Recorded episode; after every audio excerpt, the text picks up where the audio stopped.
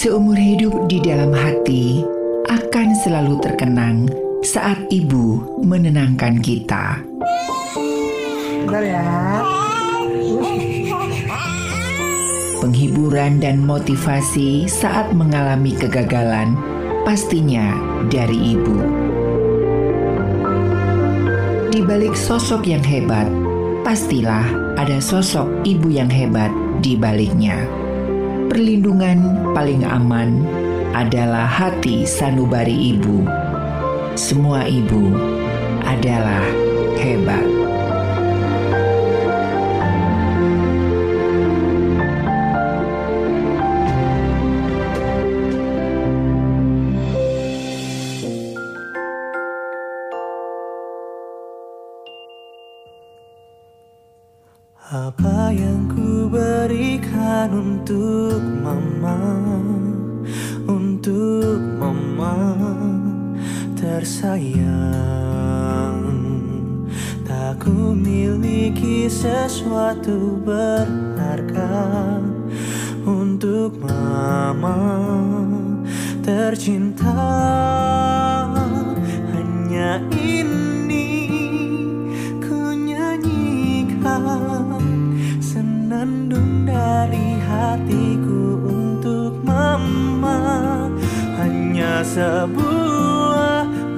Lagu sederhana Lagu cintaku untuk mama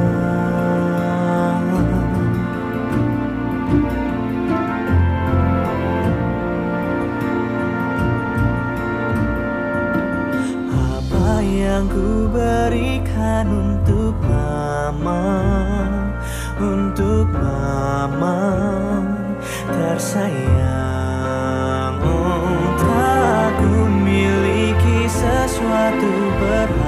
berharga Untuk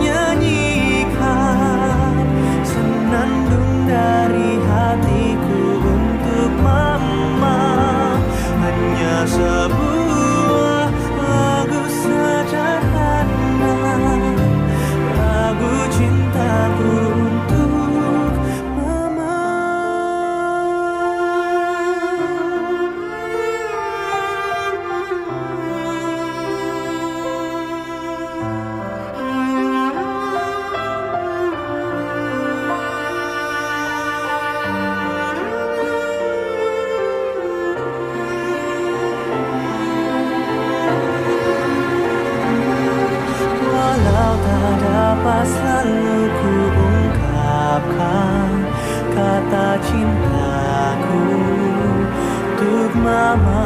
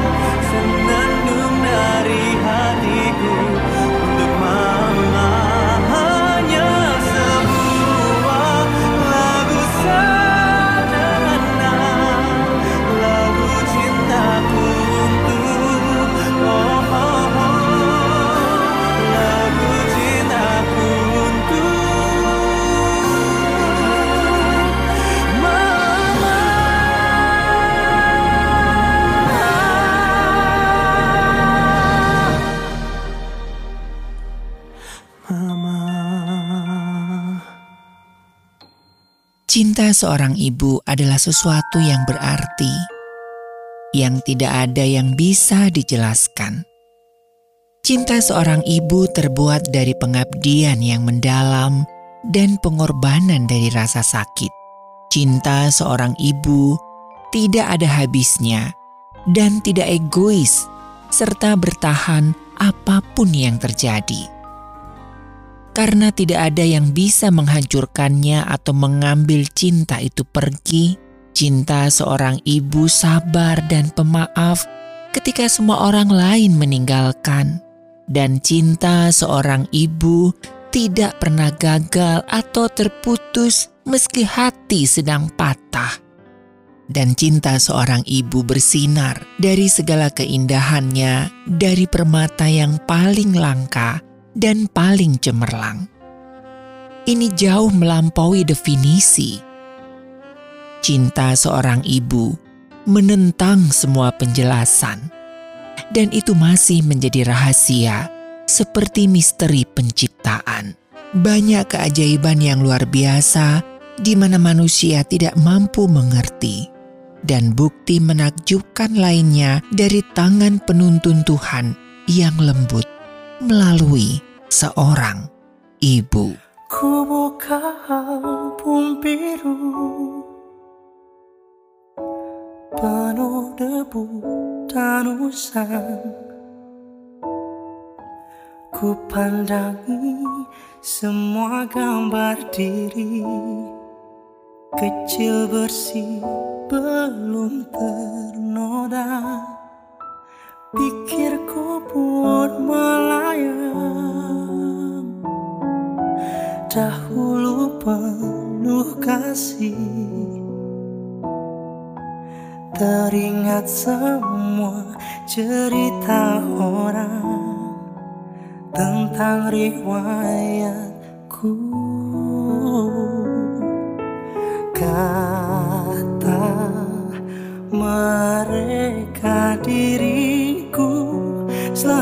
dimanja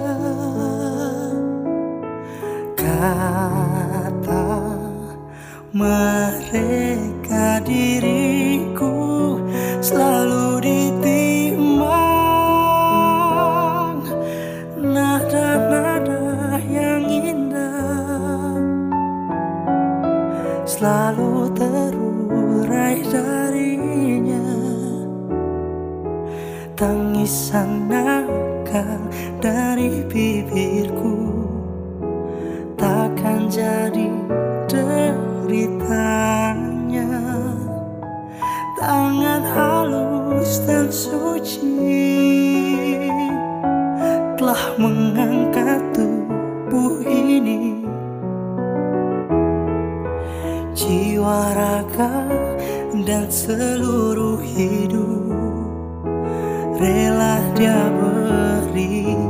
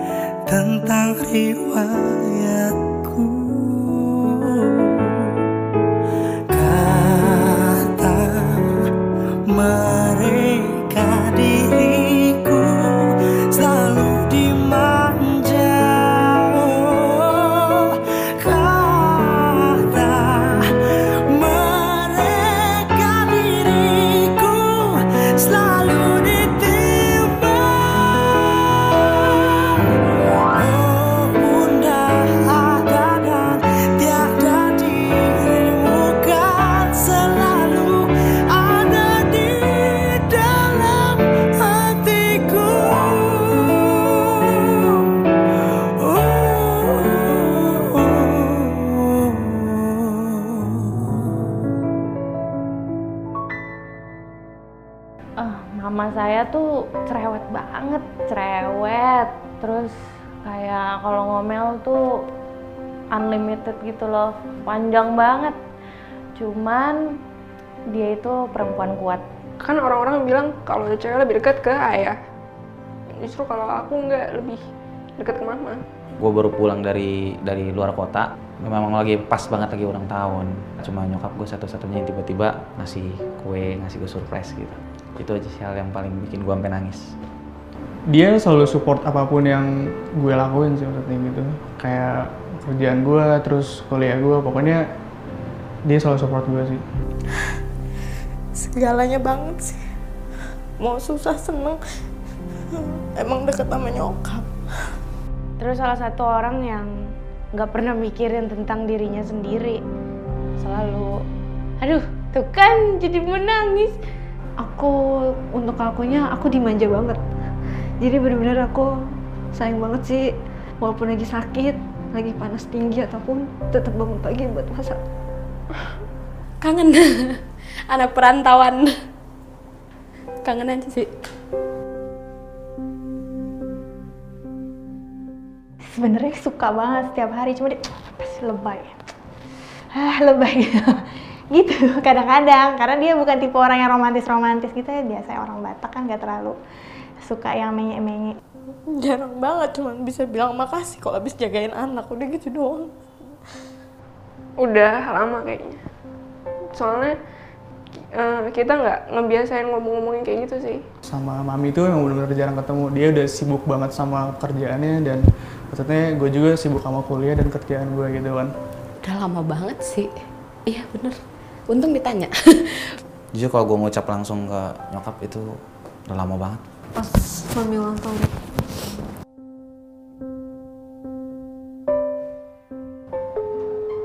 Halo. Apa? Minta maaf ya yang tadi. Ya aku mau bilang aku sayang banget sama mama.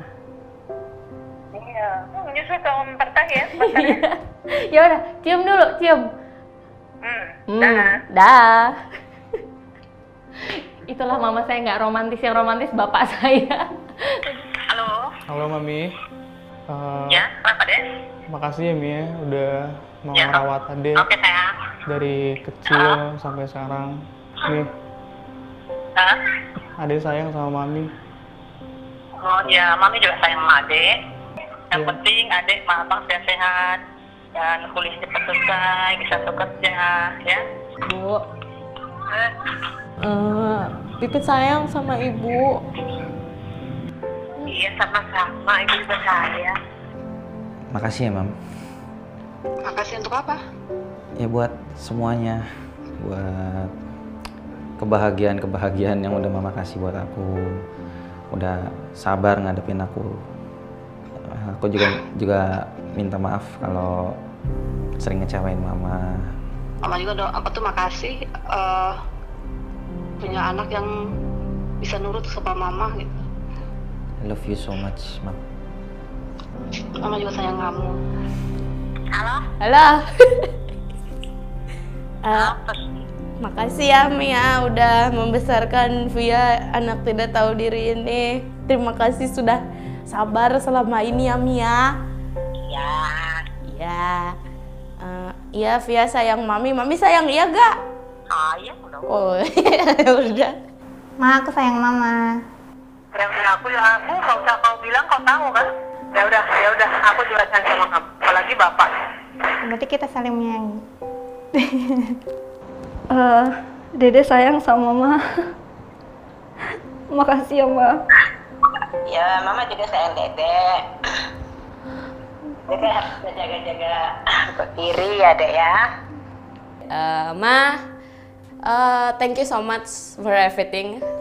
Makasih udah ngebesarin Talita. Karen nangis. Hmm, maaf kalau Talita selama ini nakal, nggak pernah dengerin, banggang banget jadi anak. Pokoknya thank you so much. Balas kayak gitu apa kayak ya love you nak, eh mama nggak romantis banget. Meet you, meet you. Miss you, kangen. Ya udah ke Jakarta kalau kangen. Ya terima kasih udah jadi mama yang baik, udah jadi mama yang em, luar biasa, kuat dan bisa jadi kekuatan buat aku. jangan galak-galak lah sama makasih udah diajarin segala macam jadi bisa sampai kayak gini Eh, terima kasih banget pokoknya udah besarin ade sampai udah kuliah ini aku minta maaf kalau emang aku banyak banyak banget pasti banyak banget bikin salah, bikin sering bikin mama kecewa. Overall thank you so much. Udah ngelahirin, udah ngebesarin, udah marah-marah kalau nggak marah-marah Talita nggak akan jadi seperti sekarang. Aku sayang banget sama Mami. Nggak pernah terbayang kalau nggak ada sosok Mami yang yang baik banget. Mama tuh my everything, segalanya buat aku. Jadi eh, aku minta maaf kalau masih belum bahagiain Mama 100%. Terima kasih Ma buat semuanya, buat menjadi Mama yang tangguh dan hebat buat aku. buat mama tetap jadi seorang pemimpin dan seorang ibu yang memiliki hati yang baik jangan terlalu khawatir sama kehidupan uh, kita anak-anak mami Uh, kita maunya mami di masa tua bukannya repot ngurusin kita tapi nikmatin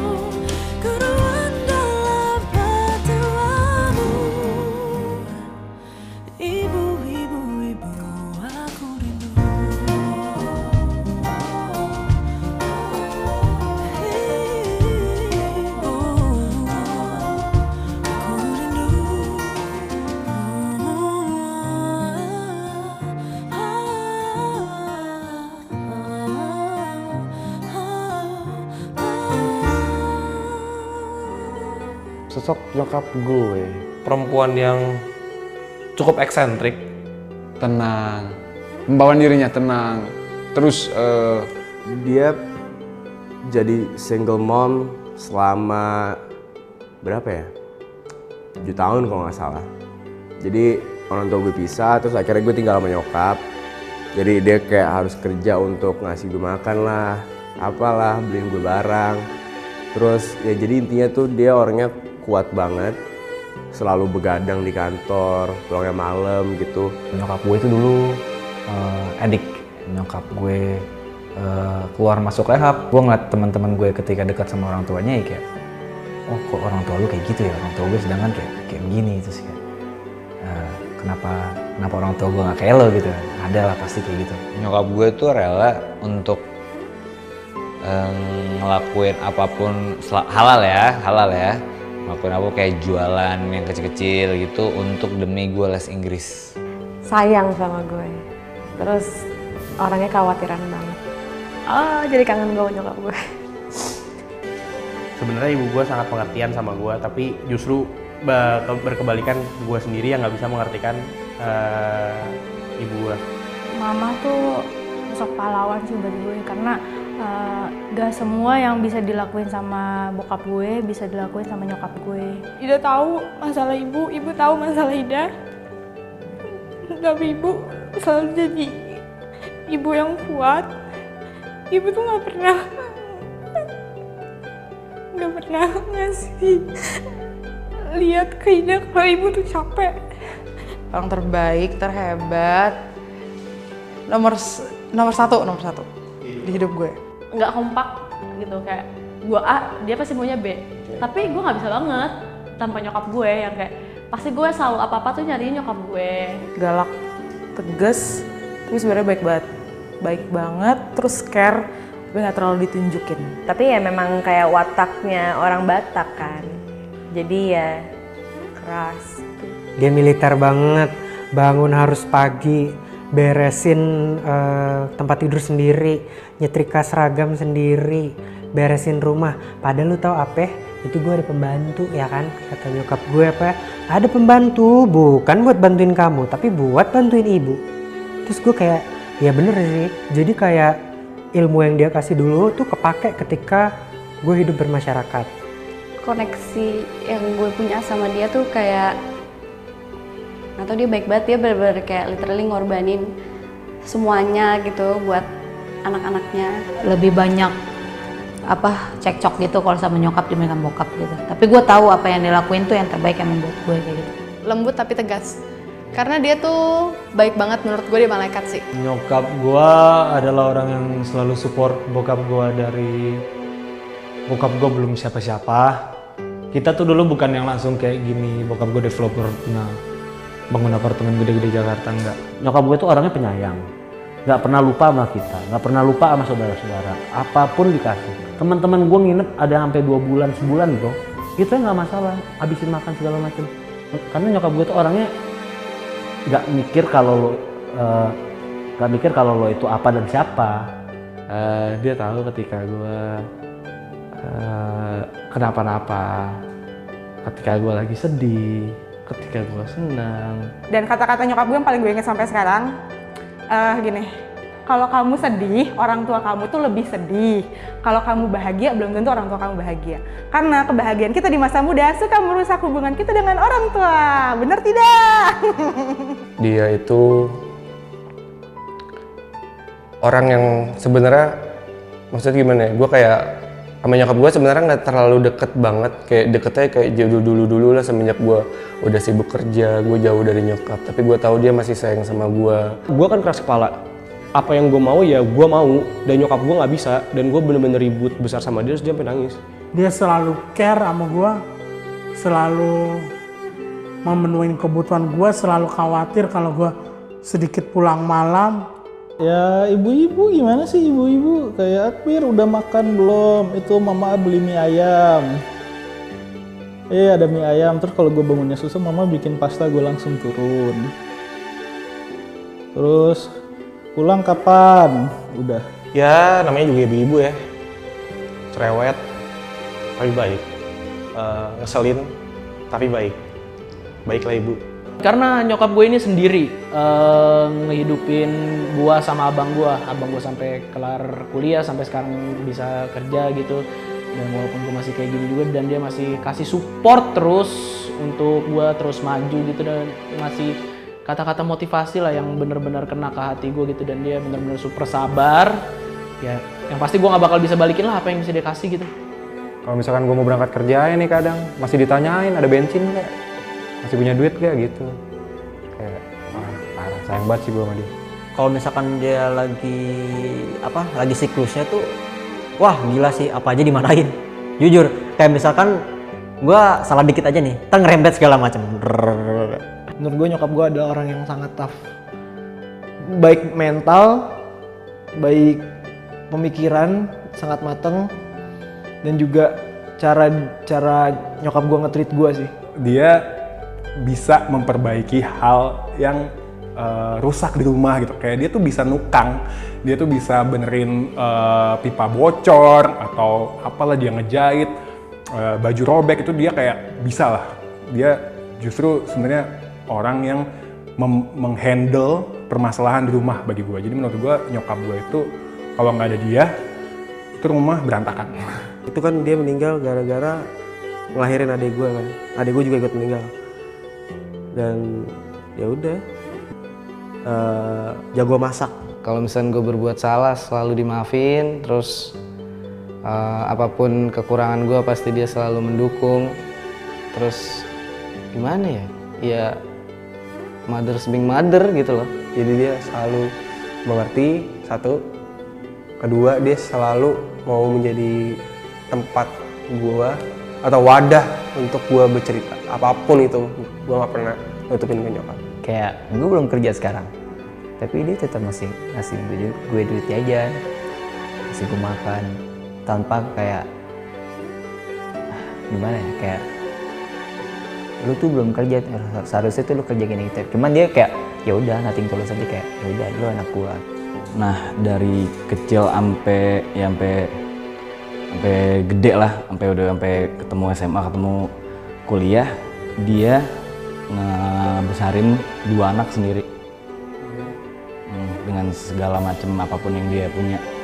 Dan itu menurut gue sangat-sangat hebat. dan dia ngajarin gue kalau lu diperlakukan jahat sama orang lain dan lu bales berarti lu bakal nyakitin dia kayak kapasitasnya masih manusia gitu rasa sakitnya masih kebayang kayak lu dicubit sama orang kan ah kebayang sakitnya lu dipukul sama orang sakitnya kebayang gitu tapi kalau lu merelakan hal itu lu ikhlas dengan hal itu dan alam semesta yang menghukum kejahatan dia itu akan jauh di luar kapasitas manusia rasa sakitnya gitu. Terus dia tuh orangnya sebenarnya lembut. Kalau di rumah itu dia lembut, cuman kalau di kerjaannya tuh dia tegas. Jadi dia aku benar-benar terinspirasi sama dia. Ibu tuh sabar banget, eh, baik, tapi tegas sama anak-anaknya, sama orang baik banget. Ya jadi sejak bokap gue meninggal, eh, nyokap gue yang ngurusin gue sama kakak gue, dia yang merangkap jadi ayah juga, yang ngedidik gue, yang ngebiayain semua keperluan gue dari mulai sekolah. Em, pokoknya mama hebat banget sih. Dia dia wanita yang sangat kuat bagi gue. deket sama anak-anaknya ibu gue orang yang bisa ngajarin anak-anaknya soal gimana cara bersosialisasi gimana cara jadi pribadi yang tetap dekat sama Tuhan dan tetap dekat sama keluarga. Dia orangnya yang lebih kayak eh, free thinking gitu loh, free sangat-sangat. Lu bebas mau ngelakuin apa aja asal sekolah lu selesai. Dan ya udah gue mau jadi apa kayak sekarang pun dia bebas. Asalkan pendidikan lo fine fine fine aja gitu udah kelar semuanya and then lu habis itu lu mau ngapain aja ya udah. Nyokap gue itu selalu care sama gue, selalu nanyain nama gue, ya gua apa apa pun yang gue minta itu pasti dikasih. Kadang gue kesel juga nih sama sifat-sifat dia cuma setelah udah merantau gini kangen juga ternyata ketemu mama gue gitu apa pun ya hidupnya dia tuh cuman buat anak dulu. Dia nggak pernah memikirkan dirinya seperti apa di mana perempuan pada umumnya yang pengen potong rambut ke salon yang dia pasti yang dipikirkan adalah bagaimana caranya gua bisa sama seperti teman-teman gue yang lain. Gua bisa terus sekolah gua tetap bisa makan secukupnya. Bahkan gue masih bisa diperjuangin untuk merasakan hal yang teman-teman gue yang lebih beruntung merasakan gue juga harus bisa merasakan itu. Terus eh, hebat sih dia wom- woman banget, baru selesai kerja, baru pensiun. Terus eh, menurut gue dia hebat bisa ngedidik anaknya menjadi gue dan kakak gue sekarang yang oke lah gitu. Nyokap gue selalu ajarin gue gimana sopan ke semua orang termasuk dari orang yang kerja di kita, pembantu, dan tentunya orang-orang yang masuknya yang lu bakal kenal gitu loh. Jadi ketemu orang diajarin cara ngomongnya gimana, intonasinya, dan itu sampai sekarang gue pelajarin banget. Ibu gua tuh tetap sabar. Ibu gua tuh ibu rumah tangga. Jadi walaupun mereka fokusnya ke kita doang, tapi dia nggak pernah nyerah untuk ngurusin kita. Dan mereka, eh, ibu gua tuh orangnya pengertian banget. Sebenarnya belum bisa kasih apa-apa. Nggak pernah ngasih uang bulanan kayak orang-orang. Saat ku sendiri Kulihat foto dan video bersamamu Yang telah lama ku simpan Hancur hati ini Melihat semua gambar diri Yang tak bisa ku ulang kembali Ku ingin saat ini engkau ada di sini. Tertawa bersamaku seperti dulu lagi. Walau hanya sebentar Tuhan tolong kabulkanlah. Bukannya diri ini tak terima kenyataan Hati ini hanya rindu.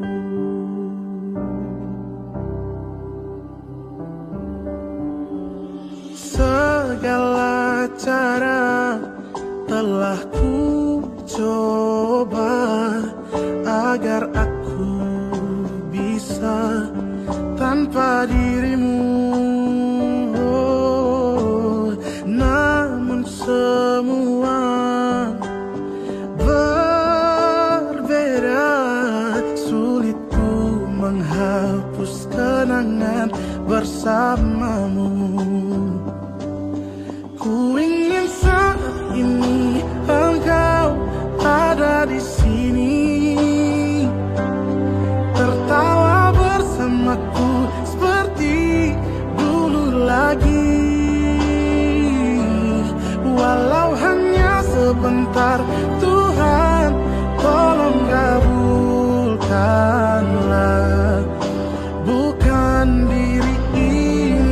tak terima kenyataan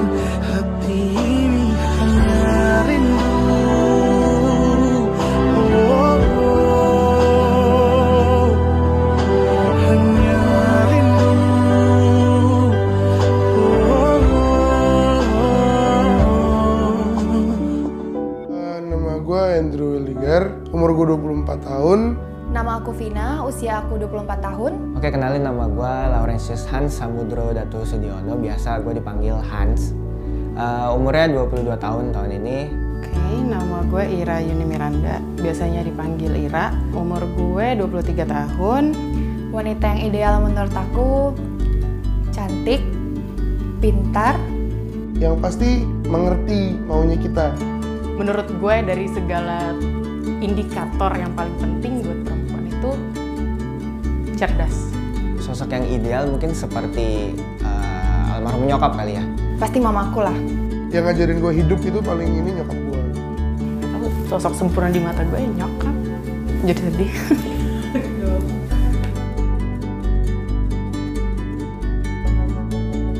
Pekerjaan atau keluarga? Keluarga lah. Kenapa keluarga? Karena nggak ada orang-orang di luar sana yang bakal sayang sama kita dan peduli sama kita seperti keluarga. apa pun yang gue lakuin di kerjaan, achievement apa pun yang gue dapat, terlebih-lebih buat keluarga sih. tempat kita bagi suka dan duka pasti ke keluarga. Jadi keluarga itu segalanya.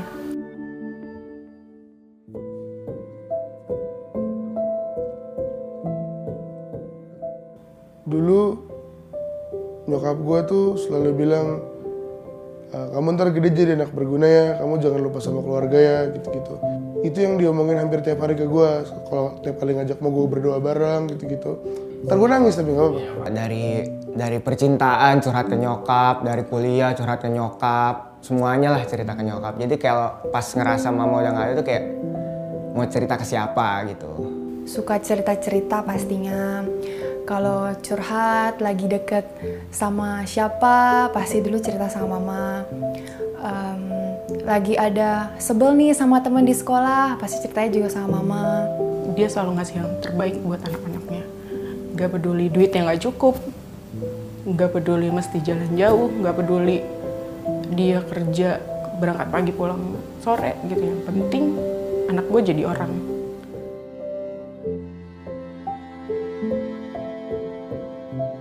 Paling gue seselin saat dia hidup adalah hari terakhir sebelum dia meninggal. Itu dia dirawat di ICU rumah sakit Polri Cinere. Itu jam 4 pagi gue udah ketiduran di luar gitu. Terus orang keluarga gue ngajakin gue pulang untuk besok paginya datang lagi ke sana. Terus di situ kakek gue sama bokap gue bilang mau pamit dulu nggak sama mama? Terus gue bilang gak usah besok aja. Besok kan juga balik lagi. Katanya pas pagi gue bangun udah ada telepon kalau nyokap udah nggak ada. Wah itu parah sih Kayak gitu gue nginep aja di situ nggak usah pulang gitu maksudnya. Nangis gue kan karena sering sering nakal sering ngelawan mama dulu. Mama sempat ngomong kayak kalau mama meninggal kamu mau gimana? Gitu loh. Terus kejadian gitu kayak ke flashback dengan kata-kata itu. Terus kayak ya mau jadi apa gitu kalau misalnya uh, ngelawan terus gitu. Makanya uh, waktu demi waktu mencoba mendewasakan diri sih. Diusap-usap kepalanya. Karena itu hal terakhir yang dia lakuin sebelum dia pulang. Itu terakhir dia di rumah, dia cuma ngelus-ngelus kepala gue dan mungkin karena itu terakhir kali ya, jadi itu yang paling gue inget. Bawa ke Jepang. Dulu waktu foto lihat foto merit mama sama papa itu tuh kayak ya adalah ala-ala Jepang kayak gitu. Cuma kan dulu studio tuh. Ya pengen gitu loh suatu saat bisa bawa dia beneran ke situ gitu. Istirahat dengan tenang. Nggak usah pikirin kita yang di sini. Eh, Vina bakal jaga papa, jaga adek. Jadi mama istirahat yang tenang aja. doain terus mas di sini supaya bisa banggain papa sama adik-adik juga banggain mama sih yang paling penting. Bisa jadi sosok kakak yang baik sosok anak yang baik untuk papa juga. Aku bakalan nunjukin kalau aku bakal berjuang terus buat diri aku sendiri dan buat keluarga yang ada sekarang. Eh, mama tenang aja aku nggak bakalan nakal yang melebihi batas.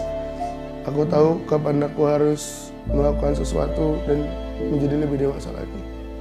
Gue selalu ngejanjiin dia ke Yerusalem.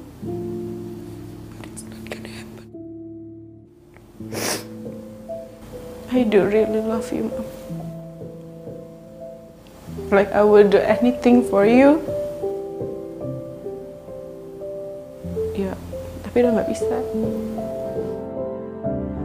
Ku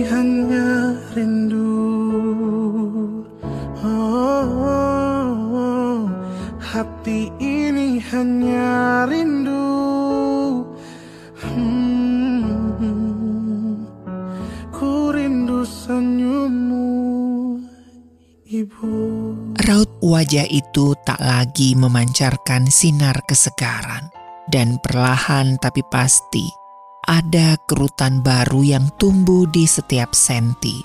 Perempuan kebanggaanku sudah tak lagi muda. Ia semakin menua dan siap memasuki usia senjanya. Rasanya aneh menulis surat ini kepadamu ya ibu. Padahal kalau mau ngobrol dan mencurahkan isi hati, aku tinggal mengetuk pintu kamar dan ibu dengan senang hati pasti akan mendengarkan. Namun kali ini sengaja aku mengemas kata-kataku dalam bentuk tulisan yang bisa dibaca berulang kali. Supaya ibu tahu betapa dirimu begitu spesial di hati. Iya, sebagai anak, sudah sepatutnya aku mengucapkan kata itu sesering ku bisa. Terima kasih karena ibu sudah rela menahan mual selama awal kehamilan. Terima kasih pula karena ibu sempat merasakan beratnya membawa aku ke mana pun pergi selama diriku tinggal di dalamnya. Bahkan setelah lahir, perjuangan ibu tak lantas jadi lebih mudah. Entah ada berapa jam tidur ibu yang tersita karena meladeniku yang sering haus dan kelaparan. Satu demi satu perjuangan tersebut jelas terlalu dangkal jika disebut sebagai kewajiban. Sebagai manusia, ibu sebetulnya memiliki hak untuk menghindari rasa sakit dari berbagai fase hamil sampai dengan melahirkan. Namun ibu, perempuan yang begitu kukagumi, memilih untuk memperjuangkan makhluk yang sebelumnya tak pernah dilihat wajahnya. Walau harus menanggung rasa sakit, ibu memilih merawatku sejak janin hingga lahir dengan penuh cinta.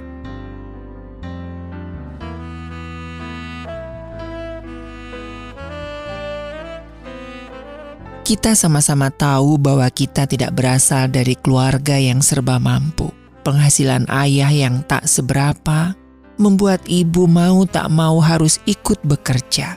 Maka dari itu, ibu memutuskan untuk mengambil bagian mencari nafkah untuk memenuhi kebutuhan keluarga. Aku selalu ingat salah satu alasan ibu bekerja adalah karena ingin anak-anaknya sekolah di tempat terbaik yang ada. Menjalani peran sebagai perempuan pekerja dan berkeluarga tentu bukanlah hal yang mudah.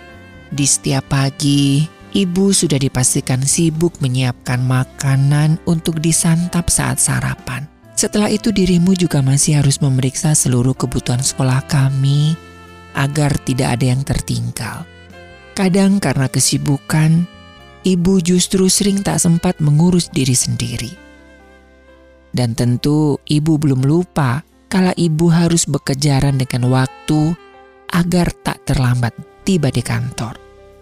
Selain masalah pembagian waktu bekerja dan keluarga, Hal lain juga membuat ibu semakin memesona di mataku adalah cara ibu mengalahkan keinginan pribadi untuk memenuhi kebutuhan kami sehari-hari dengan uang yang terbatas. Sebagai akuntan keluarga, dirimu harus pintar-pintar membagi uang yang ada. Sebagai perempuan, ibu tentu memiliki banyak kemauan, membeli baju baru, mengenakan aksesoris yang cantik, atau sekedar menggunakan parfum mahal pasti pernah terlintas di kepalamu. Namun semua keinginan untuk lantas menjadikan ibu memenangkan ego pribadi. Dirimu tetap memprioritaskan kebutuhan anak-anakmu ini. Aku tidak akan pernah lupa kalimat andalan ibu. Kalau beli barang yang itu kan bisa ditunda. Kalau dirimu menginginkan sesuatu, tapi uangnya tidak tersedia. Padahal sebetulnya bila mau egois, ibu bisa saja membelanjakan uang sesuai kemauan ibu. Tentu tidak ada yang bisa melarang kalau ibu ingin membeli satu atau dua barang yang memang ibu inginkan. Tapi ibu tetaplah perempuan yang mengagumkan. Mengalahkan semua ego demi memenuhi kebutuhan yang harus segera ditunaikan. Jika waktuku masih kecil, semua apa yang ibu lakukan terasa biasa.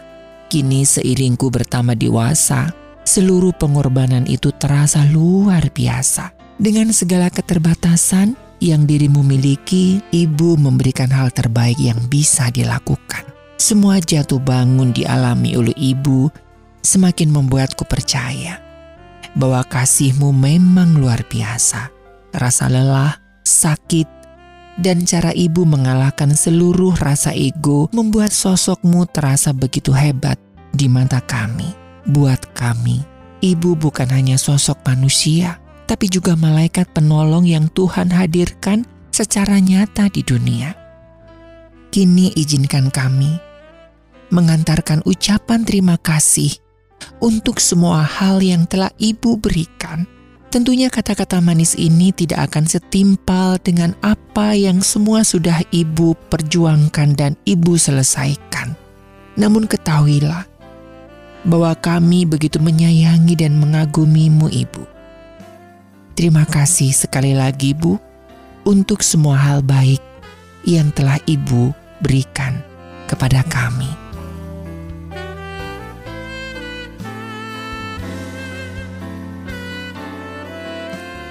Tak perlu menunda waktu untuk berbakti kepada ibu, karena waktu tak mungkin menunggu.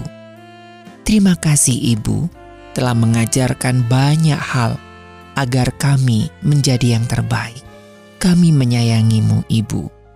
Selamat Hari Ibu. Janganlah menangis mamaku Janganlah kau bermuram selalu. Walaupun putus sekolahku Namun ku tetaplah anakmu.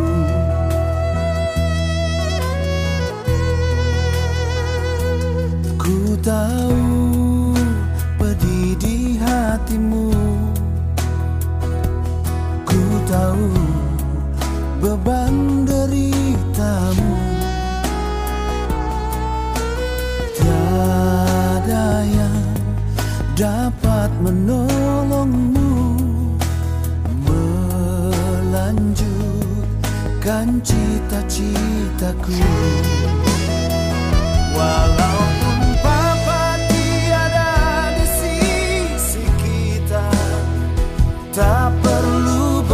bersedih Tak perlu duka